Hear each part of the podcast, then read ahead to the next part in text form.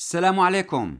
أنا أيمن عبد النور عم بحكي معكم من لوس أنجلوس بالحلقة 36 وبدي أبلش بحقيقة معايدة كل الأمهات وبنقول لهم عيد سعيد والله يقويكم ويصبركم وللي أولادهم غائبين إن شاء الله بترجعوا وبتشوفوهم قريبا واللي أولادهم مختطفين ومغيبين عنهم إن شاء الله يردهم سالمين كمان يا رب واللي أولادهم بالمعتقلات إن شاء الله يكون الإفراج كمان قريب. وتسمعوا عن عن كل أهلكم وناسكم أخبار جيدة وبندعي لكم بالرحمة لأنه الرحمة تجوز على الأحياء والأموات. أيضا بنقول كل عيد نوروز وسوريا كلها بكل مكوناتها وبكل مناطقها بخير. وبنعايد خاصة المكون من الأهل والأصدقاء الأكراد وبنقول لهم إن شاء الله كل راس سنة كردية إن شاء الله تكون مباركة. طبعا نحن أيضا بالذكرى العاشرة للثورة السورية ويعني رح أحكي اللي حكته التايمز آه، الصحيفة البريطانية لأنه يعني بيلخص جزء من اللي عم نعانيه الكل إنه الثورة السورية لما بدأت كان ينظر لها بين كل تحركات الربيع العربي اللي صارت بعديد من البلدان إنها الأقل حظا من سواها وقد تتلاشى دون أن تترك أثر. لكن الواقع أثبت أن نيران بعد عقد يعني عشر سنوات من الزمن لم تهدأ بل انتشرت في المنطقة كلها. وأدت لكسر تحالفات قديمة وصاغت تحالفات جديدة وأنشأت مراكز قوى متصاعدة. فإن شاء الله يعني بهمة الجميع وبدنا نتعاون كلنا لحتى يكون آه، نقدر نفرض كسوريين الحل اللي نحن بدنا إياه. كشعب سوري في كل المناطق الشعب مغيب صوته ما حدا عم بيسمعه عم بيتنطح البعض لتمثيله سياسيا والبعض لتمثيله إغاثيا والبعض لتمثيله. آه، إنسانيا والحقيقة الشعب صوته مغيب فأنا بشكركم بدي أشكركم للمتابعات الكبيرة للحلقات السابقة للرسالة الصوتية وإن شاء الله يعني الكل كمان يكون ما عم ينسى إنه يبعث لأصدقائه ويشارك بكل وسائل التواصل الاجتماعي وخاصه البحث عن اللي ما آه، عم توصلهم الرسالة وما سمعانين أصلا إنه إنه في هيك رسالة. يعني في كتير ناس ما سمعانين إنه موجودة فخلينا مشان تعمل فائدة كمان نتواصل معهم. في ضخ إعلامي كبير كتير يعني بس بس طلعوا حواليكم شو ما فتحتوا أي وسيلة شو ما كانت تكون بيطلع لكم أخبار يعني كتير عم تتناقل بتلاقيها نفس الخبر بعشرات الأماكن إنه عن إصابة آه، بشار الأسد وزوجته بالكورونا واختفائهم وإنه هن آه، يعني مريضين جدا أو تم سحبهم وأخذهم إلى روسيا. في لقاءات إنه صارت مع ضباط كبار وطلبوا تغييره وإنه رح يعملوا مجلس عسكري. وتغييرات على الأبواب وإنه في فلان هرب وطلع معه فلوس وهذا السبب اللي أدى إلى انهيار سعر صرف الليرة السورية. فلانة راحت قام اكتشفوا في شاحنة كبيرة جدا مليئة بالدولارات اللي تم تصريفها بالليرات السورية ويعني كثير كثير كثير حقيقة. هلأ في الدكتور محمد الأحمد كونه يعني آه، بيعمل في قطاع التدريس وعنده خبرة في آه، قطاع الإعلام. عم بيحكي حكي مهم نشوفه ونسمعه. يعني عم بيقول هل هذا الضخ الإعلامي الكبير مرتبط بخطة روسية؟ بالتوافق مع النظام من أجل إحداث إحباط كبير جدا للمعارضة. وهذا هو عم بيقول في طريقة اسمها مبدأ تضليل الخصم. وما بتتم إلا إذا في كان نقطة انقطاع بمعنى black spot وهذا معروف في علم السينما. وبعدها بتقدر تبلش fresh start فشو بيصير؟ الناس ما بتلاقي الحركة مستمرة لكن في حركة انقطعت. ثم فاصل زمني اللي هو أسبوعين ثلاثة اللي هو اختفاء آه، رئيس النظام. وبعدها تبدأ فيك تبلش بمرحلة جديدة. شو ما كانت تكون ومختلفة تماما عما سبقها بتعطي نفسية جديدة طريقة جديدة وبالتالي ممكن نلاقي هو عم بيقول الدكتور محمد أحمد أنه بعد أسبوع بعد كم يوم بعد ما تخلص هالفترة النقاهة اللي هن عم بيدعوها ممكن يرجع رئيس النظام هو وزوجته ويطلعوا على التلفزيونات بضحكات ويحققوا كأنه الناس كلها منتظرتهم بيوزعوا هدايا وبيعطوا منح وبيزيدوا معاشات وبيحققوا بعض التغييرات في الإعلام بيغيروا بعض المسؤولين بيطلعوا بقرارات جديدة بتنعش الجو كله وبالتالي بتضم كل الموالين لهم ترفع لهم نفسياتهم ومعنوياتهم بشكل كتير كتير كبير وبتأدي لخيبة أمل وانكسار نفسي كبيرة عند الفريق المعادي له وهذا مثل ما بيصير بأفلام السينما اللي هي الناس ناطرة ولا بيرجع جاك في فيلم مشهور أو عودة الابن الضال. يعني فهذا عم بينبه الدكتور محمد الأحمد إنه ننتبه وما نشارك نحن في نقل وترويج ونشر ومشاركة كل الأخبار والصور والفيديوهات اللي ما حدا بيعرف مصدرها واللي قد يتضح أنه كلها في النهاية كلها كاذبة وخادعة وغاشة وبالتالي الناس تحبط بهذا الوقوع. عم بيقول كيف من وين بده يجيب الهدايا والتبرعات والمصاري ويخفض سعر صرف الليرة السورية؟ بيكون هالفترة اللي يعني عصوا فيها الناس هالشهر الأخير بيكونوا وفروا شوي. هالتوفير بفردوه مباشرة طقة وحدة. بيكون في دول من تحت الطاولة أيضا مرقت له مبلغ محدود من الدولارات أو مخزن هو عنده كمية للطوارئ من القمح أو من البنزين أو المازوت. بيفرضها كلها لحديت بتتصاعد لحديت يوم الانتخابات الناس بتكون مرتاحة جدا جدا جدا وبالتالي بتنزل على انتخابات.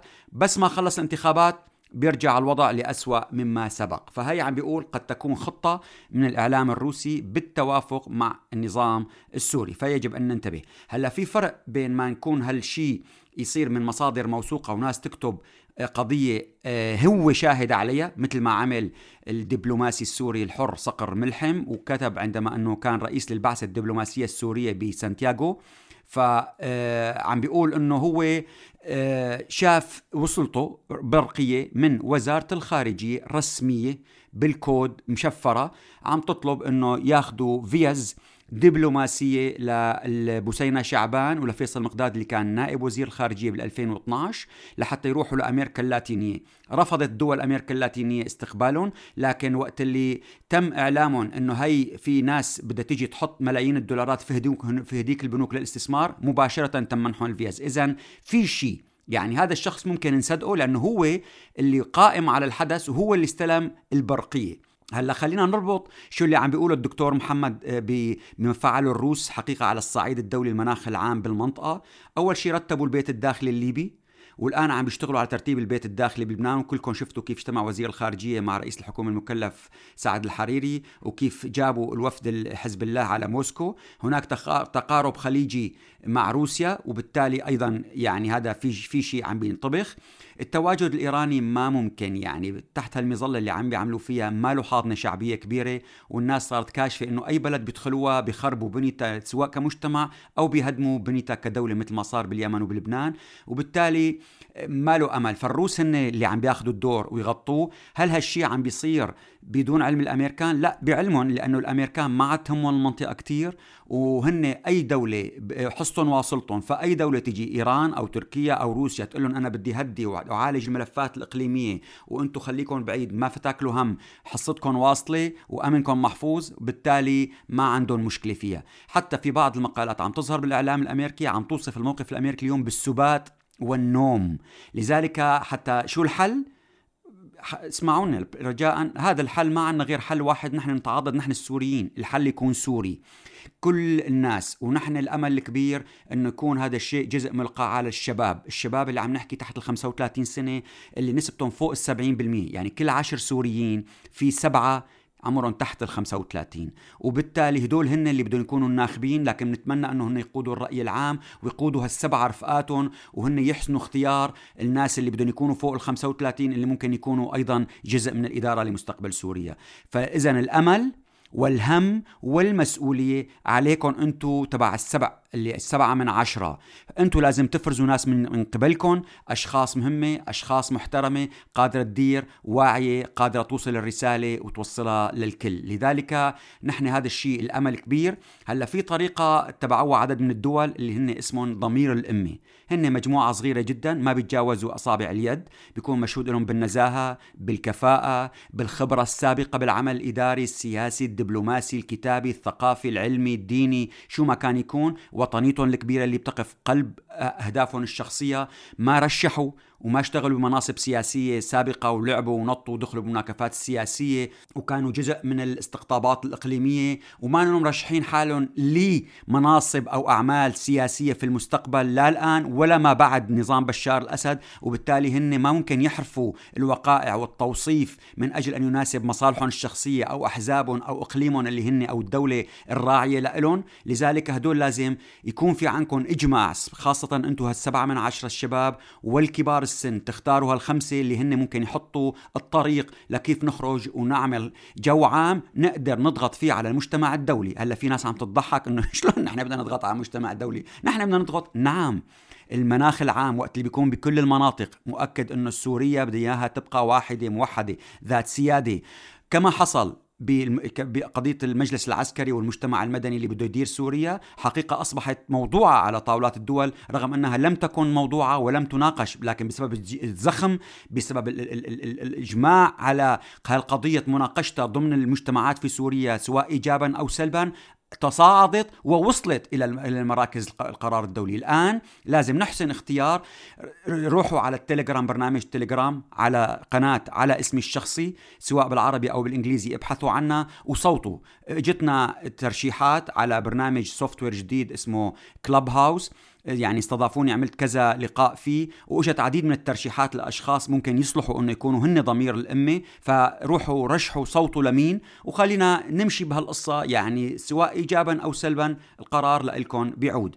هلا بالولايات المتحدة عمل الجو عضو مجلس النواب جو ويلسون قال إنه بمناسبة عشية رأس السنة الإيرانية أنا رح أقدم مشروع قرار لكن ضد النظام الملالي في بند فيه بمسنا نحن بالسوريين. قال طلب من وزير الخارجية يدرس إنه اللي عم تعمله إيران في سوريا هل يرقى إلى مستوى التطهير العرقي ضد المسلمين السنة في سوريا؟ لأنه إذا كتب له وزير الخارجية وعمل دراسات إنه نعم فوقتها بيحولون من أجل العقوبات وهذه جريمة وبالتالي وبالتالي ممكن يحولون إما جر... إما عقوبات سياسية أو حتى إحالتهم للمحاكم الفيدرالية في أمريكا إذا ما رفعوا عليهم أشخاص متضررين دعوة، فاذا كمان هذا مهم، في كثير من منظمات وأحزاب المعارضة نعت العالم الثائر محمد علي الصابوني، كمان بنقول الله يرحمه وأعظم الله أجركم جميعا. وعوضنا إن شاء الله بعالم كمان خيرا منه، يعني كمان يكون موجود ويشيع خيرا في هذه الأمة، أيضا في هناك تسجيلات مسربة بين العميد غياث دلة اللي هو قائد قوات الغيث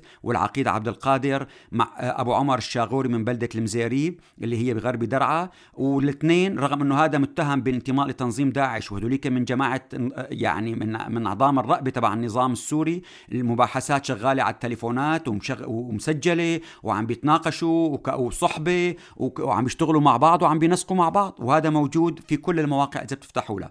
أيضا صار في وثائق جديدة ربط التورط النظام السوري من عدد بعدد من الشخصيات التابعة له بانفجار المرفأ اللي صار ببيروت وفي إثباتات ووثائق وأسماء وعناوين للشركات وأسماء ملاك لتلك الشركات أسماء لتلك السفن وكيف تم الشراء وكيف تم الإدخال شيء يعني تقارير جدا جدا مهمة وحتى صار في ناس كتبت أنه نحن بنطالب ال FBI الأمريكية اللي هو مكتب المباحث الفيدرالي اللي اجى وعمل آه، دراسات على الانفجار في بيروت نفسها بعد ما بعت مجموعة من عنده ينشروا التقرير على القليلة بلكي بتفيق إدارة الرئيس بايدن من نومه لأنه إذا نشروا بده يحرجهم يتاخذوا قرار لأنه فضايح بدها تطلع. صار أيضا كمان في القصة اللي سمعتوا فيها كلكم تركيا كحكومة تركية اللي طلبت من ال channels التركية الأقنية التلفزيونية اللي تابعة سواء للإخوان المسلمين المصريين أو أو المجموعات القريبة من فكر الأخوان المسلمين أو المجموعات القريبة يعني بالمصاهرة أو بالأولاد عم الأخوان المسلمين اللي بيعنوا عن نفسهم أخوان مسلمين بتخفيف اللهجة تجاه مصر. وبالتالي آه، ما اغلقوا ولم يبعدوا أحد لكن طلبوا منهم إنه نحن ما كنا عم بنراقب الآن بدنا نراقب ولازم تلتهموا تلتزموا بالمهنية. وممكن تتركوا البرامج السياسية لكن بدها تكون تخففوا اللهجة. وهذا الشيء متبادل بيننا يعني كتركيا وبين مصر وحتى الإعلام المصري طلبوا منه بتوجيهات من الحكومة في مصر بعدم الإساءة للرئيس التركي السيد رجب طيب أردوغان. وصار في هذا مسار فكاهة وتندر بين عمر أديب اللي نكت عليهم ونكت على محمد ناصر ونكت على هالأقنية في في تركيا وعلى هالحدود اللي, اللي يعني كيف صار معهم هيك. لكن هن كمان ردوا عليه. السفير الأمريكي السابق روبرت فورد في سوريا حكى حكي بمقالتين حقيقة مهمين جدا. قال إنه نحن فهمنا السوريين بطريقة خاطئة. الرئيس باراك أوباما ولحتى اليوم في ناس عم بتظن بالإدارة الأمريكية الحالية إنه هن عم بيطولوا الأزمة في سوريا من أجل يسقطوا الروس في مستنقع كما وقع فيه الأمريكان في فيتنام. لكن هذا الحكي ما راح يصير عم بيقول السفير فورد لأنه بوقت اللي غرقوا الأمريكان بفيتنام كان الاتحاد السوفيتي والصين عم بيدعموا اللي هن الفريق ضد الامريكا فإذا هي كمان بدنا ننتبه لها إنه ما رح تصير. فلذلك غيروا رأيكم يا امريكان وعم أيضا عم بيقول إنه نحن أخفقنا في حل مشكلات تعارض المصالح والأجندات والأفعال المتضاربه لأجهزة الاستخبارات الدول اللي تعتبر نفسها صديقة لسوريا. وبالتالي كل جهاز صار يدعم فصيل ودمروا الجيش السوري الحر وخربوا كل الاقتتال وصار هذا الشيء يصب في مصلحة الأسد عسكريا. هذا السفير الأمريكي اللي عم بيحكي.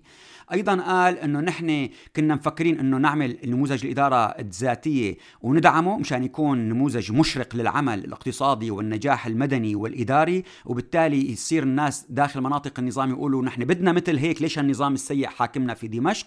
لكن النظام نجح إنه يحوله إنه الناس تنظر له كنظام انفصالي نظام يعني ما راح يبقى في سوريا وبالتالي فقط بعده داخل سوريا وفقط تعاضد الناس السوريين في كل مناطق النظام معه. وبالتالي فشلت الخطة الأمريكية. فعم بيقول أيضا هي لازم ننتبه لها لأنه نحن عم نضر نفسنا. هلأ أيمن خالد لا رجع لا خليني أتذكر شغلة السفير فورد حكاها هي مهمة.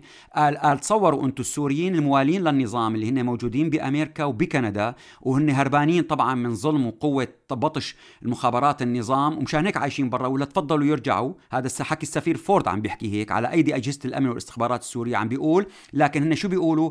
آه بتحاججوا إنه السوريين بيفتقروا للحكمة اللي الدافعة إلى بناء حكومه أفضل يعني ما عندهم القدرة ينظموا حالهم بحكومة أفضل.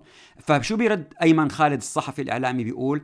إنه الخيار الأفضل للسوريين هو أن يقروا بعجزهم عن قيادة المرحلة المقبلة ويدعوا لتشكيل وصاية دولية برعاية أممية وإنه السوريين ما قادرين بقى ينجبوا إلا أمراء حرب وهي ما بتؤدي إلى ناس متخصصين في فن الإدارة. وبيضرب مثل إنه ترامب وقت اللي كان بده يلتقي رئيس كوريا الشمالية راح التقاه بفيتنام رغم اللي قدمت مئات ألوف وملايين الشهداء والقتلى اللي قتلوهم الأمريكان بالقنابل المدمرة لكن الجيل الجديد بفيتنام هو أقرب ناس فتحت الاستثمارات وفتحت لكل السياح الأمريكان يروحوا وحطوا كل صور الشهداء والقتلى السابقين وإداراتهم بالمتاحف وبعيدا انه الناس تلجأ لمصالحها. فاذا كمان عم بيقول أيمن خالد خلينا كسوريين نلجأ للأمم المتحدة.